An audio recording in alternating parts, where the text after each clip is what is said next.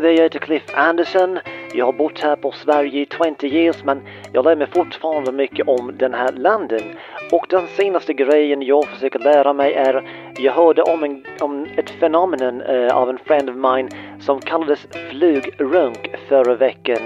Och vad är en flugrunk? Uh, eh, jo, det går alltså ut på att man rycker av en fluga uh, vingarna och så lägger man i badkaret och på ollonet ska flugan vara eh, och där ska den gå runt den vinglösa flugan på din ollon, typ penis, tills att du får en eh, utlösning. Och ja, jag blev lika paff som, som du när jag hör om det här för det väcker många frågor i, i mig, eh, i Cliff Anderson. Eh, för det första, tappar man upp badkaret först? Börjar tänka på vad som är exciting och upphetsande och liksom lever på någon slags hopp om att en fly plötsligt bara ska uppenbara sig och sen fluga in där och landa på, på ens ollon. Och eh, vad är sannolikheten för det? Och, och, när flugan sitter där ska den vara så lögn så du liksom bara kan rycka av vingarna på den och göra din grej. Det verkar väldigt svårt. Eller lever man live som vanligt eh, när eh, en fluga uppenbarar sig plötsligt och så fångar man den omgående och liksom spränger mot närmsta badkar. Man kan vara mitt i en jobbmöte. Då ser man en fluga komma in i konferensrum. Man får lite, lite stånd sådär när man sitter vid bordet och börjar hoppas. Den där flugan, den där flugan, den ska jag, den ska jag ta med mig. På något mirakulöst way så fångade den där lilla flugjävulen mitt i Agnetes dragning om nästa quarters budget underskott och du lämnar exalterad rummet. Alla tittar på dig när du stormar ut med en halv erection och spränger som om life står på spel till närmsta badkar. Som är vadå någonstans? Jag menar, vi jobbar inte på en spa. Ett badkar, det, du måste åka hem så man får springa ut på gatan. Du får vinka in en taxi med en knuten näve. Du måste komma ihåg, remember, inte öppna handen med flugan i. Du får inte tappa fokus, inte förlora flugan. Och sen när du äntligen har kommit hem efter en taxiresa, då, då, då, hur gör man då? Ska man ta av sig alla kläder, tappa upp badkaret medan man har flugan i handen som riskerar antingen rymma eller kanske den blir ihjälklämd in the process? Jag menar, har den kanske inte hunnit dö av oxygenbrist på vägen hem i taxin? Eh, man kan ju inte öppna sin hand för vad ska man säga, tjuvkika. Då kanske den flyger iväg och då är man ju tillbaks till square one då så att säga. Så hur fan ska man lyckas med denna Mission Impossible-runk som heter flugrunk? Finns den ens på riktigt?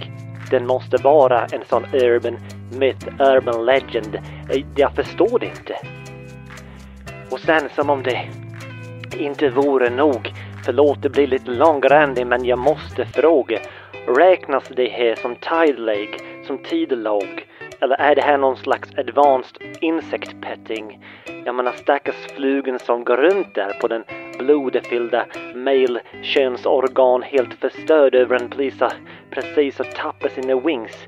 Men samtidigt, den har ingen aning om hur mycket värre det kommer att bli alltså. Att den inte bara befinner sig eh, på en liten elba i flyformet, liksom en liten flug Napoleon, utan den även kommer att utsättas för en human eruption, erection, så att säga, som kommer att täcka flugen i reproductive smet då. Det är en obehaglig scen att tänka sig för den flugen. Och jag menar, ur det mänskliga perspektiv tänker jag det vore bra att spara sin fluga när man väl har lyckats med denna Mission Impossible runk, eh, flugarunken. Jag menar, det här vill man inte behöva gå igenom once again när man har dragit av den the wings. Då tänker jag det är kanske bra att gömma flugan också i en liten burk eller någonting så att ens friends and family inte förstår vad som försiggår när de är hemma på besök i ens apartment.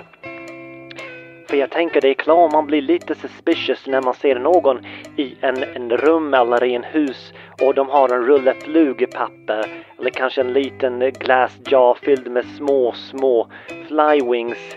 Jag menar, det är då man måste inse att man är best friend eller kanske brother eller sister med en Lord of the Flies och det vill man ju inte vara det är sånt som jag har gått och funderat på. Jag heter Cliff Anderson och jag lär mig om svenska samhälle för varje dag som går. Tack så mycket.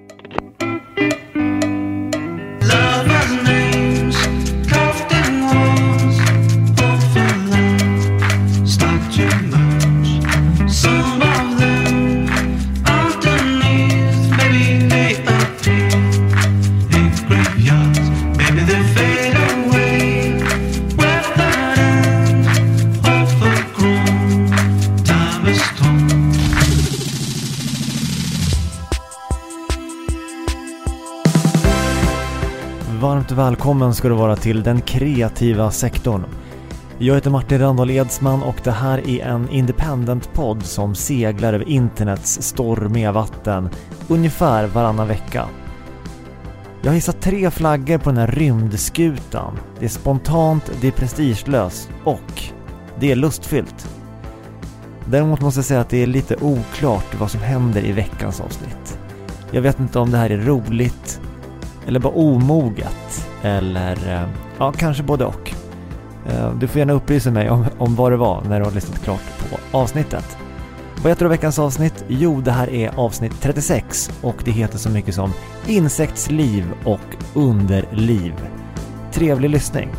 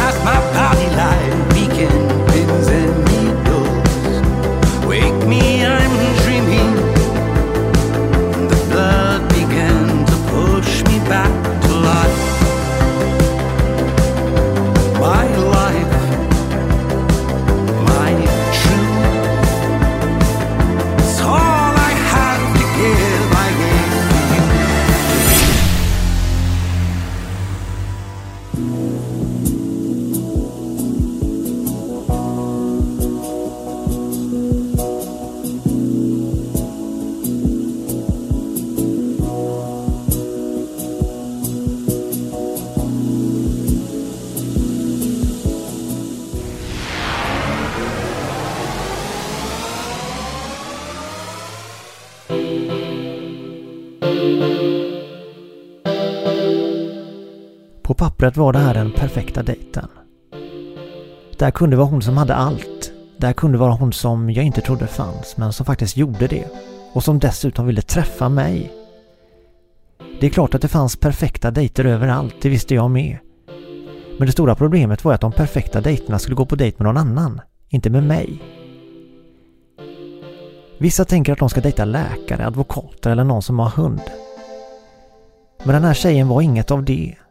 Den här tjejen som vi kan kalla för drömtjejen gillade Seinfeld, var amerikan inflyttad till Sverige och dessutom judinna.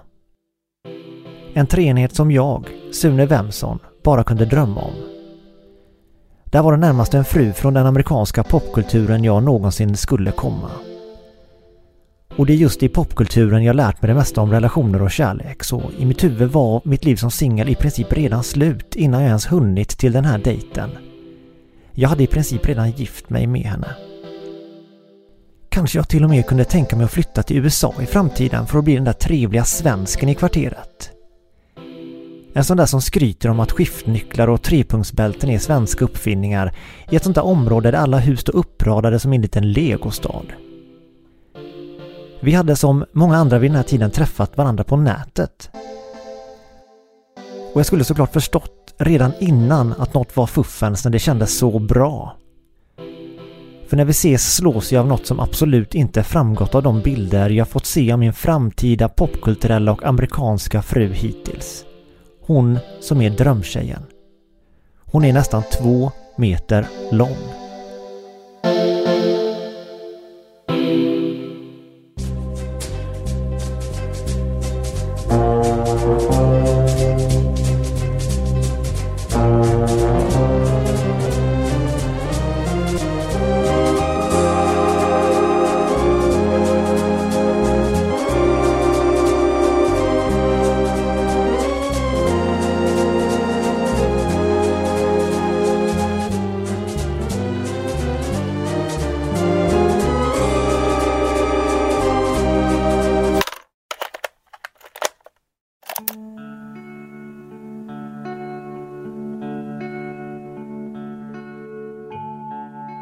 Hejsan, jag heter eh, Martin.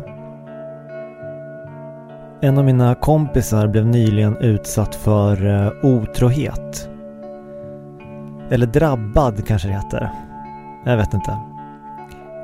Och det är såklart inte kul. Man ska inte skämta om det. Men det fick mig att tänka lite. Vad skulle jag helst bli utsatt för i ett förhållande? Alltså, vad kommer man helst på sin partner göra eh, med någon annan? Otrohet eller grov misshandel?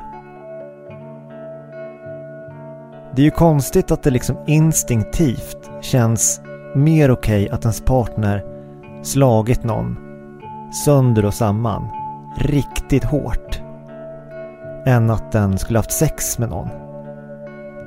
Rent krass är det ju schysstare att ha sex med någon än att slåss jättehårt. Men sen börjar man resonera med sig själv och liksom berättiga att partnern har slagit någon. Ja men det var säkert någon som muckade och höll på och liksom var jävligt jobbig. Ja men jag slår vad om att ja, men han, måste, han måste ha förtjänat det. Men jag har svårt att tänka mig att man liksom säger samma sak om man blivit utsatt för otrohet av sin partner. Att man skulle resonera med sig själv och bara så här. Ja men det var säkert någon ensam stackare som liksom inte fått ligga på jättelänge och... Nej men han, han förtjänade nog det. det han, han behövde nog det ligget. Det, det gjorde han verkligen. Maybe the lateness of the hour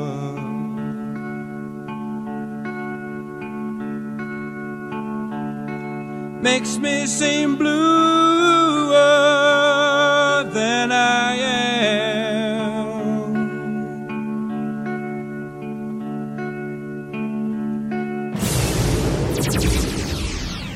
You know I need your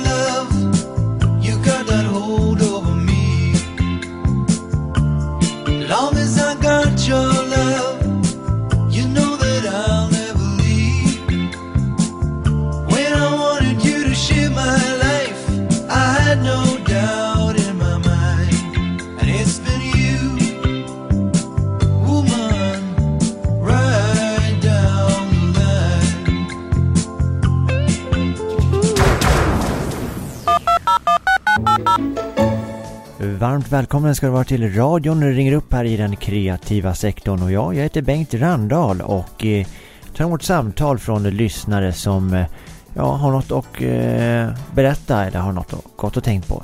Och eh, jag tror vi har med oss Lennart Seger här i vanlig ordning. Hallå Lennart! Jo men tjenare Bengt, det var det dags igen då så att säga. Det är roligt att vara med i sektorn idag igen. Så vad är det du har gått och tänkt på här på sistone? Jo men du, jag tittade en del på Bachelor eh, och det var det här med alla brudar som springer runt med fillers i ansiktet och silikon i, i brösten. Jag menar, det är klart man ska få göra som man vill med sin egen kropp då. Ja, antar jag. Men jag menar, bör man som man då, eller kille, bli orolig för egen del snart? Ja, men det är det jag funderar på då, så att säga. Ja, vad roligt att du eh, kollar på Bachelor. Det var nästan lite otippat. Men, men eh, jag förstår inte riktigt din oro här. Är du liksom orolig för själva Bachelorn? Att han är någon slags plastallergiker och ska få läskiga utslag i programmet? Eller vad är det som ska drabba män och killar så lite mer specifikt? Ja, men hörde du, han, eller ja, det är två faktiskt. Ja, de har nog varit i kontakt med plast på närhåll ett flertal gånger redan, eh, så, så det ska nog inte vara någon fara med dem då. Nej, men, men det jag tänkt lite grann mer på, jag blir bara tidsfråga innan vi män ska fylla våra pinsar med fillers och gå runt med något slags praktstånd mitt på ljusa dagen, ja, för att visa upp även vi att vi har resurser då så att säga, på samma sätt som kvinnorna visar upp sina då. Och, och snart ska man väl in på någon operation och trycka in en vibrator i penisroten eller doppa pungkulorna i någon slags limited edition guld från Europen, Eller, eller vadå? Ja, nej, jag tyckte det går i fel riktning. Det, det, det är lite grann det jag vill prata om här då. Ja, det låter ju lite överilat där. Eh, så om jag förstår dig rätt så är det, är det dags för ett förbud Lennart, eh, innan du själv känner dig tvungen att hoppa på den här trenden? Jo men precis, alltså det, det, man, är, man är ju trendkänslig och jag tyckte det verkar obehagligt att vara hård och stel i kroppen. Jag menar, innan man verkligen behöver som de där, det ser ut att in, det ser inte skönt ut att ha allt det där i kroppen. Jag menar om man... Ja, förlåt. Jo, jo, det jag ska säga var att om man vill vara hård och stel, då bara vänta tills man blir riktigt gammal. Jag menar likställd då så att säga. Just det, ja men du, du kan ju kanske ha en poäng där. Vi får se om någon annan ringer in om det här. Du, hade du någon fluga där nu eller? Jo, jag hade det. Ja, just det. Dö, dödade du den? Nej, självklart, självklart gjorde jag inte det. Men jag kan ju sälja en fluga utan vingar på Tradera för 500 kronor styck. Det är, det är sanslöst Adam. Nej, men en riktig guldgruva ska jag säga, det kan jag tipsa dig om Bengan. 500 spänn? Ja, det är ganska mycket. Ja, men du, då tackar vi för det Lennart. Ja, men tack själv. Det är alltid kul att vara med i sektorn, det, det tycker jag verkligen. Tack så mycket.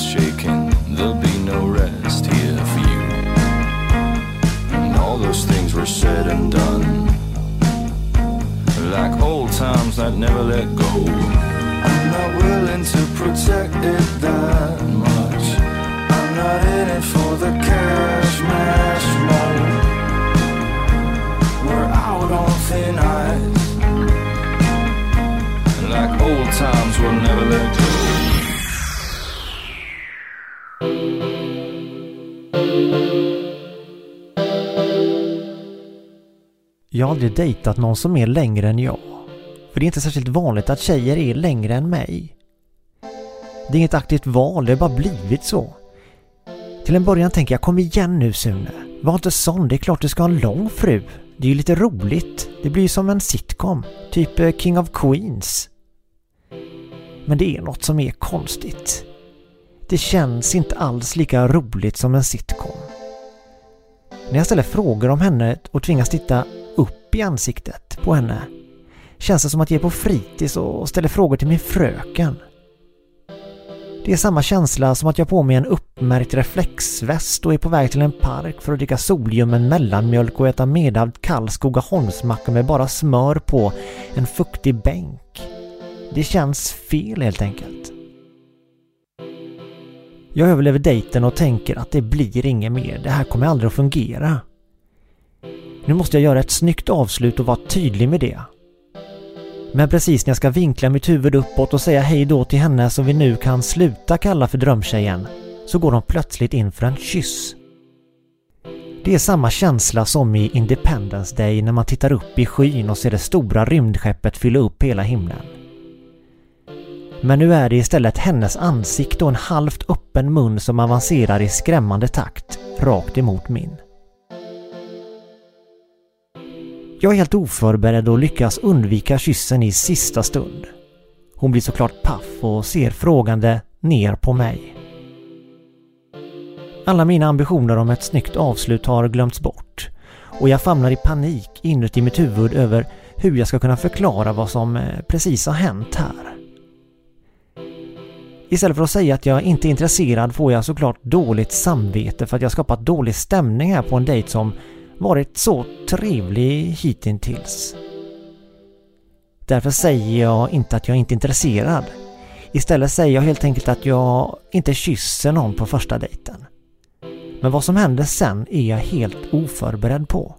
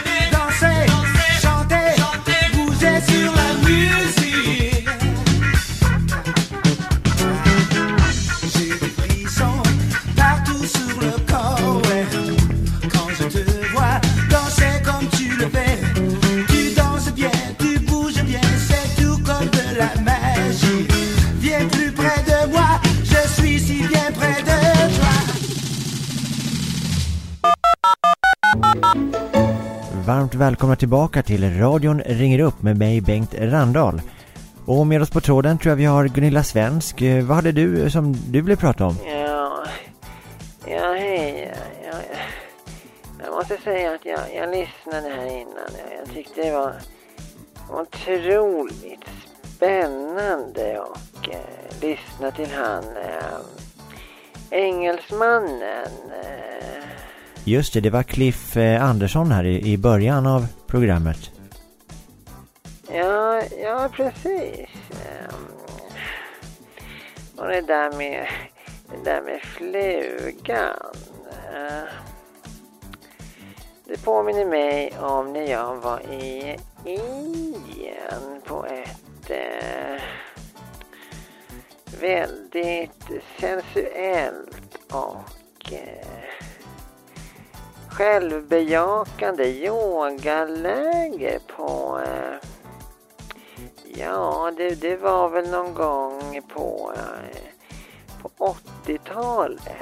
Eh, Ja, då skulle man locka eh, vandrande pinnar liksom så in i sitt sköte då. Genom att vara liksom i, vad ska man, ska man beskriva det här? Ja, genom att liksom vara i direkt kontakt med Moder Natur. Och eh, ja, men jag blev påmind om det och jag tyckte liksom att eh, ja, det var så fint på något sätt det här som Cliff eh, beskrev. Jag tyckte det var, det var något speciellt. Eh. Det här är något annat, det är liksom en kärlek till naturen som liksom kan, den kan, eh, den kan verkligen manifestera sig på många olika sätt. Vet du vad Gunilla, jag tror vi avslutar där faktiskt och går vidare här i showen. Eh, ha en fortsatt eh, trevlig dag. Hej!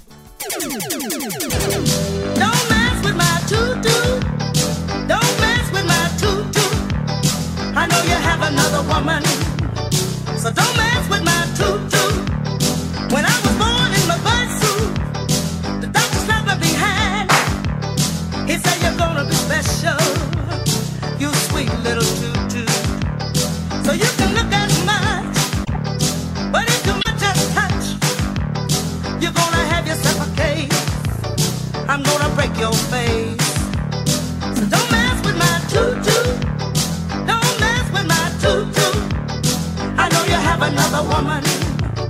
So don't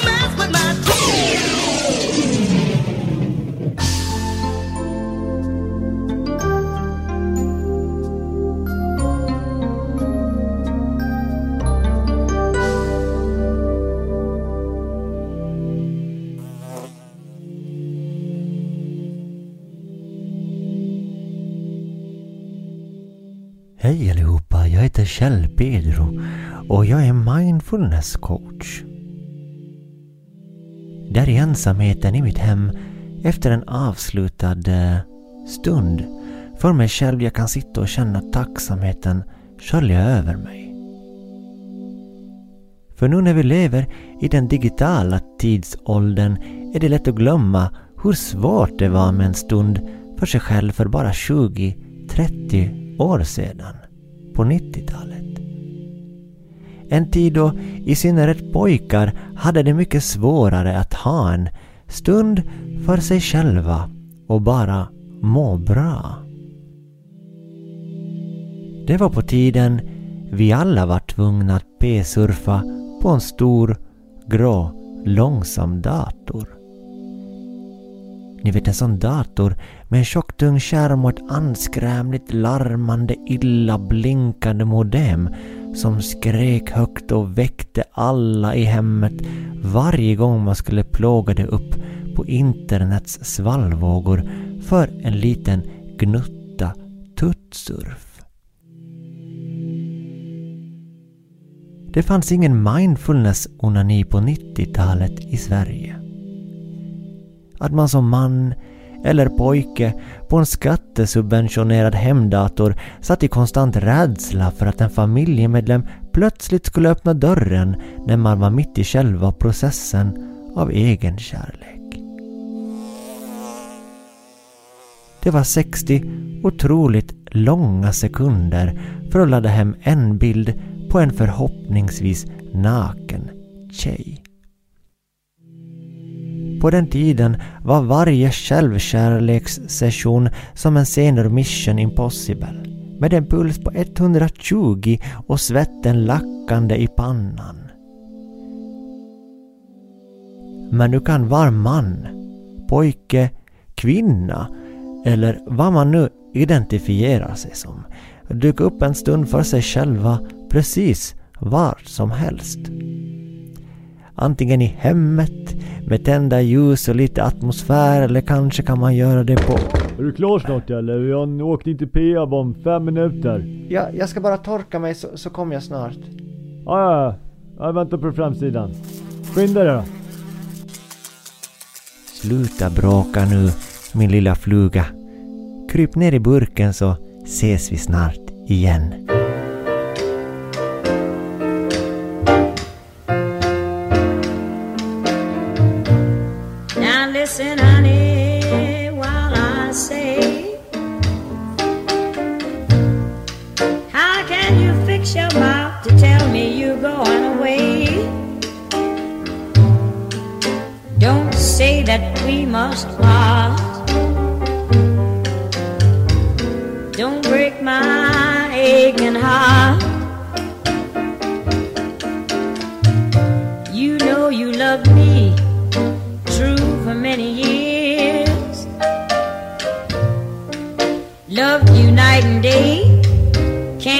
See my tears? How can you leave me? Mm. Listen while I say, after you've gone and left me crying. After you've gone, there's no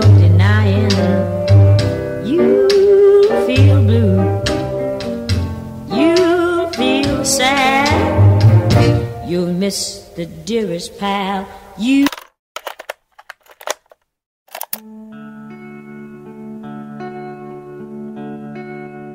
Ja, hej, det är jag igen. När jag dejtade tyckte jag att det var svårt att liksom veta när man skulle börja gilla någon. Ska man börja känna något direkt, eh, liksom vid första ögonkastet? Eller kan det komma jättesent? Det finns ju liksom alltid den här eh, pressen när man går på dejt, att man ska gilla varandra. Så sa alltid mina vänner så här. Du är för picky Martin. Du måste ge dig fler dejter med samma tjej. Men jag hade så svårt att lita på dem. För det var liksom exakt samma gäng som rekommenderade mig svinedåliga serier. Och sa så här. Man måste ge den tre avsnitt för att komma in i den. Och vad då? Är det liksom samma regler för en tv-serie? som för ett eh, potentiellt livslångt förhållande. För mig är skärmen med en tv-serie det är att jag liksom vet hur långt mitt commitment är från början. Åtta avsnitt. Ja, det klarar jag. Nio säsonger med 36 avsnitt i varje. Nej, den här serien får nog någon annan titta på. Men det här finns inte i datingvärlden. Jag vet inte hur många avsnitt, säsonger eller spin-offs som den här dating kan resultera i. Det känns inte bra. Jag tror det är därför som sommarflörtar, relationer i andra länder eller bara en jobbkonferens känns som det perfekta stället att committa till en relation. Man vet exakt hur lång tid man ska vara där Åtta dagars relation. Ja, det klarar jag. Ja, det är sånt som jag har gått och tänkt på.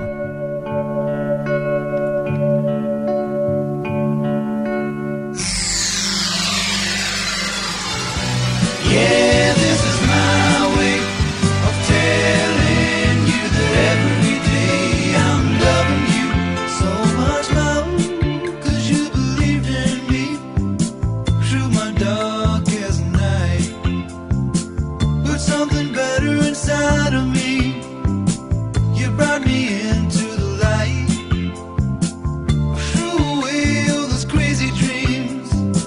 I put them all behind, and it was you, woman, right down the line.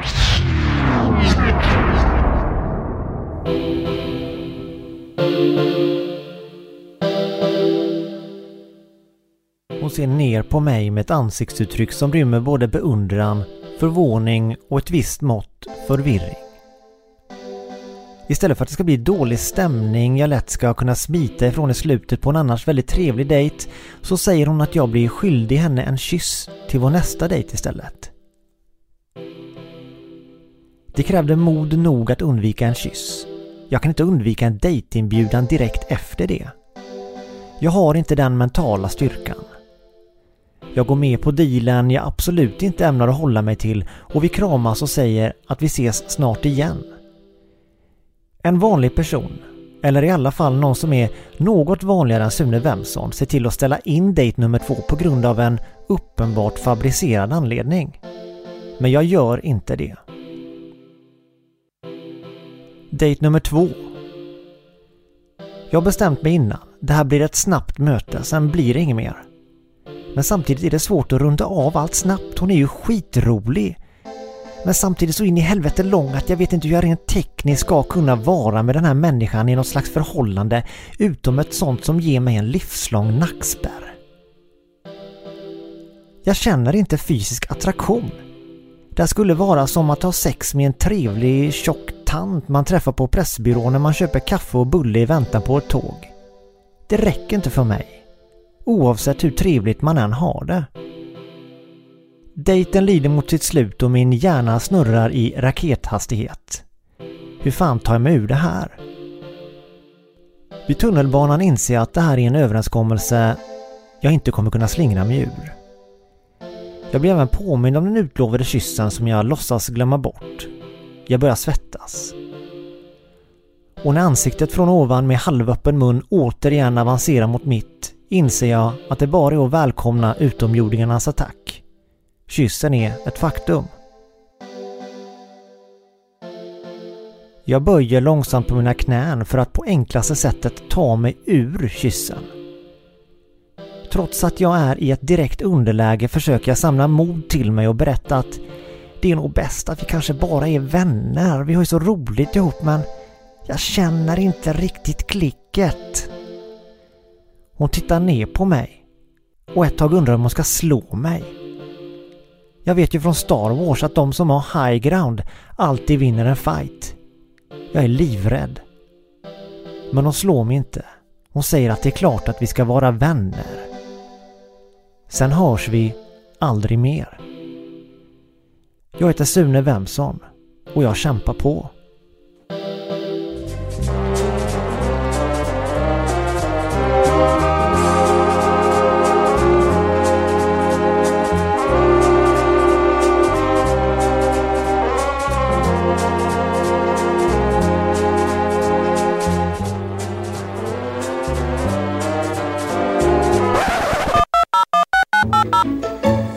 Ja, det var dags för radion ringer upp igen med mig, Bengt Randahl, och då ska vi se vem vi har med oss. Hej Bengt, det är, eh, det är Martin här. Nej men, varför ringer du in här? Vi ska ju inte vara i samma scener, det blir ju jättekonstigt. Det, det ska vara uppdelat här i, i den kreativa sektorn, det har vi ju kommit överens om. Jo, jag vet, men jag tänkte på det här med modemskrik när jag hörde Kjell Peder snacka om mindfulness och gamla internetminnen. Vad var det du tänkte då då? Är, det okej att jag sätter på min bakgrundsloop och eh, skippar din här eller? Jo men det är bara för den här gången, för annars kommer jag börja knalla in i dina monologer framöver. Det känns inte helt hundra här, det är ingen bra magkänsla alltså. Ja, en gång. Ja, ja, nej men okej, det, det är bara den här gången. Jo, men jag tänkte i alla fall på det här med modem som lät så mycket. Jag vet inte om ni kom ihåg hur mycket de faktiskt lät varje gång man kopplade upp sig. Det var typ som att man skulle slakta en gris eller någonting. Ja just det, det, det kommer man ihåg, det var roligt. Ja, men nu ska inte du kommentera här. Eh, Är det okej att jag bara kör min grej? Ja, ja, nej jag, jag ska vara tyst, jag ska vara tyst. Tack. Hade det inte räckt att modemet skrek jättehögt en gång i månaden eller så? Men varje gång man kopplar upp sig. Det känns lite överdrivet. Ja, ja det, det hade ju varit en jättebra idé.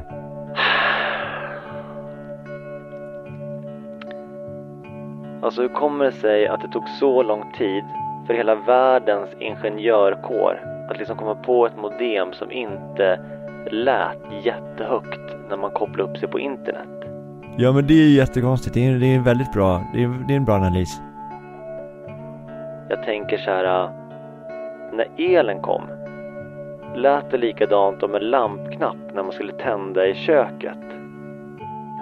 Eller varför skulle den nya tekniken låta så här högt? Och dessutom, var inte internet en uppfinning från militären?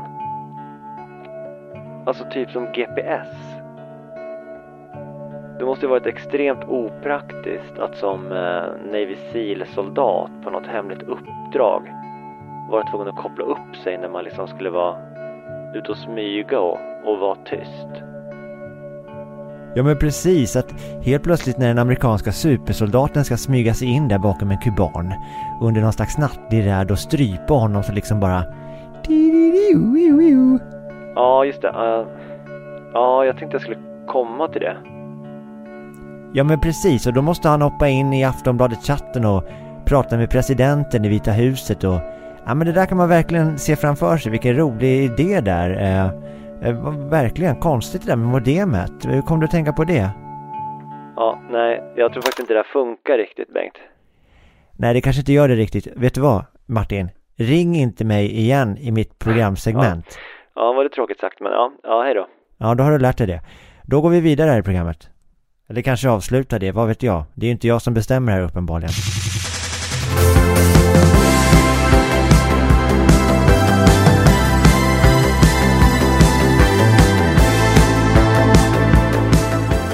Där hörni, då har vi tagit oss till slutet av ytterligare ett avsnitt av den kreativa sektorn. Jag hoppas att ni tyckte att det här var ett trevligt avsnitt och att ni inte sörjer för mycket att flugsäsongen är över. Det är först i vår som de vaknar till liv igen. I alla fall vad jag vet, men jag är ingen expert. I övrigt så eh, får ni jättegärna ge podden fem stjärnor, berätta om den för vänner och bekanta om ni tycker att den är bra. Ehm, annars behöver ni inte göra det. Eh, ja, eh, trevlig resa i livet life. Förhoppningsvis hörs vi snart igen. Ta hand om er allihopa där ute i livet.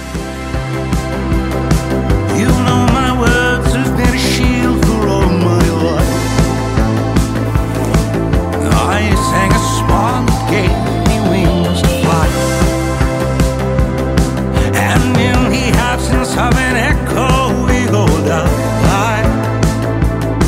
And in the absence of myself, I came fly me to the moon.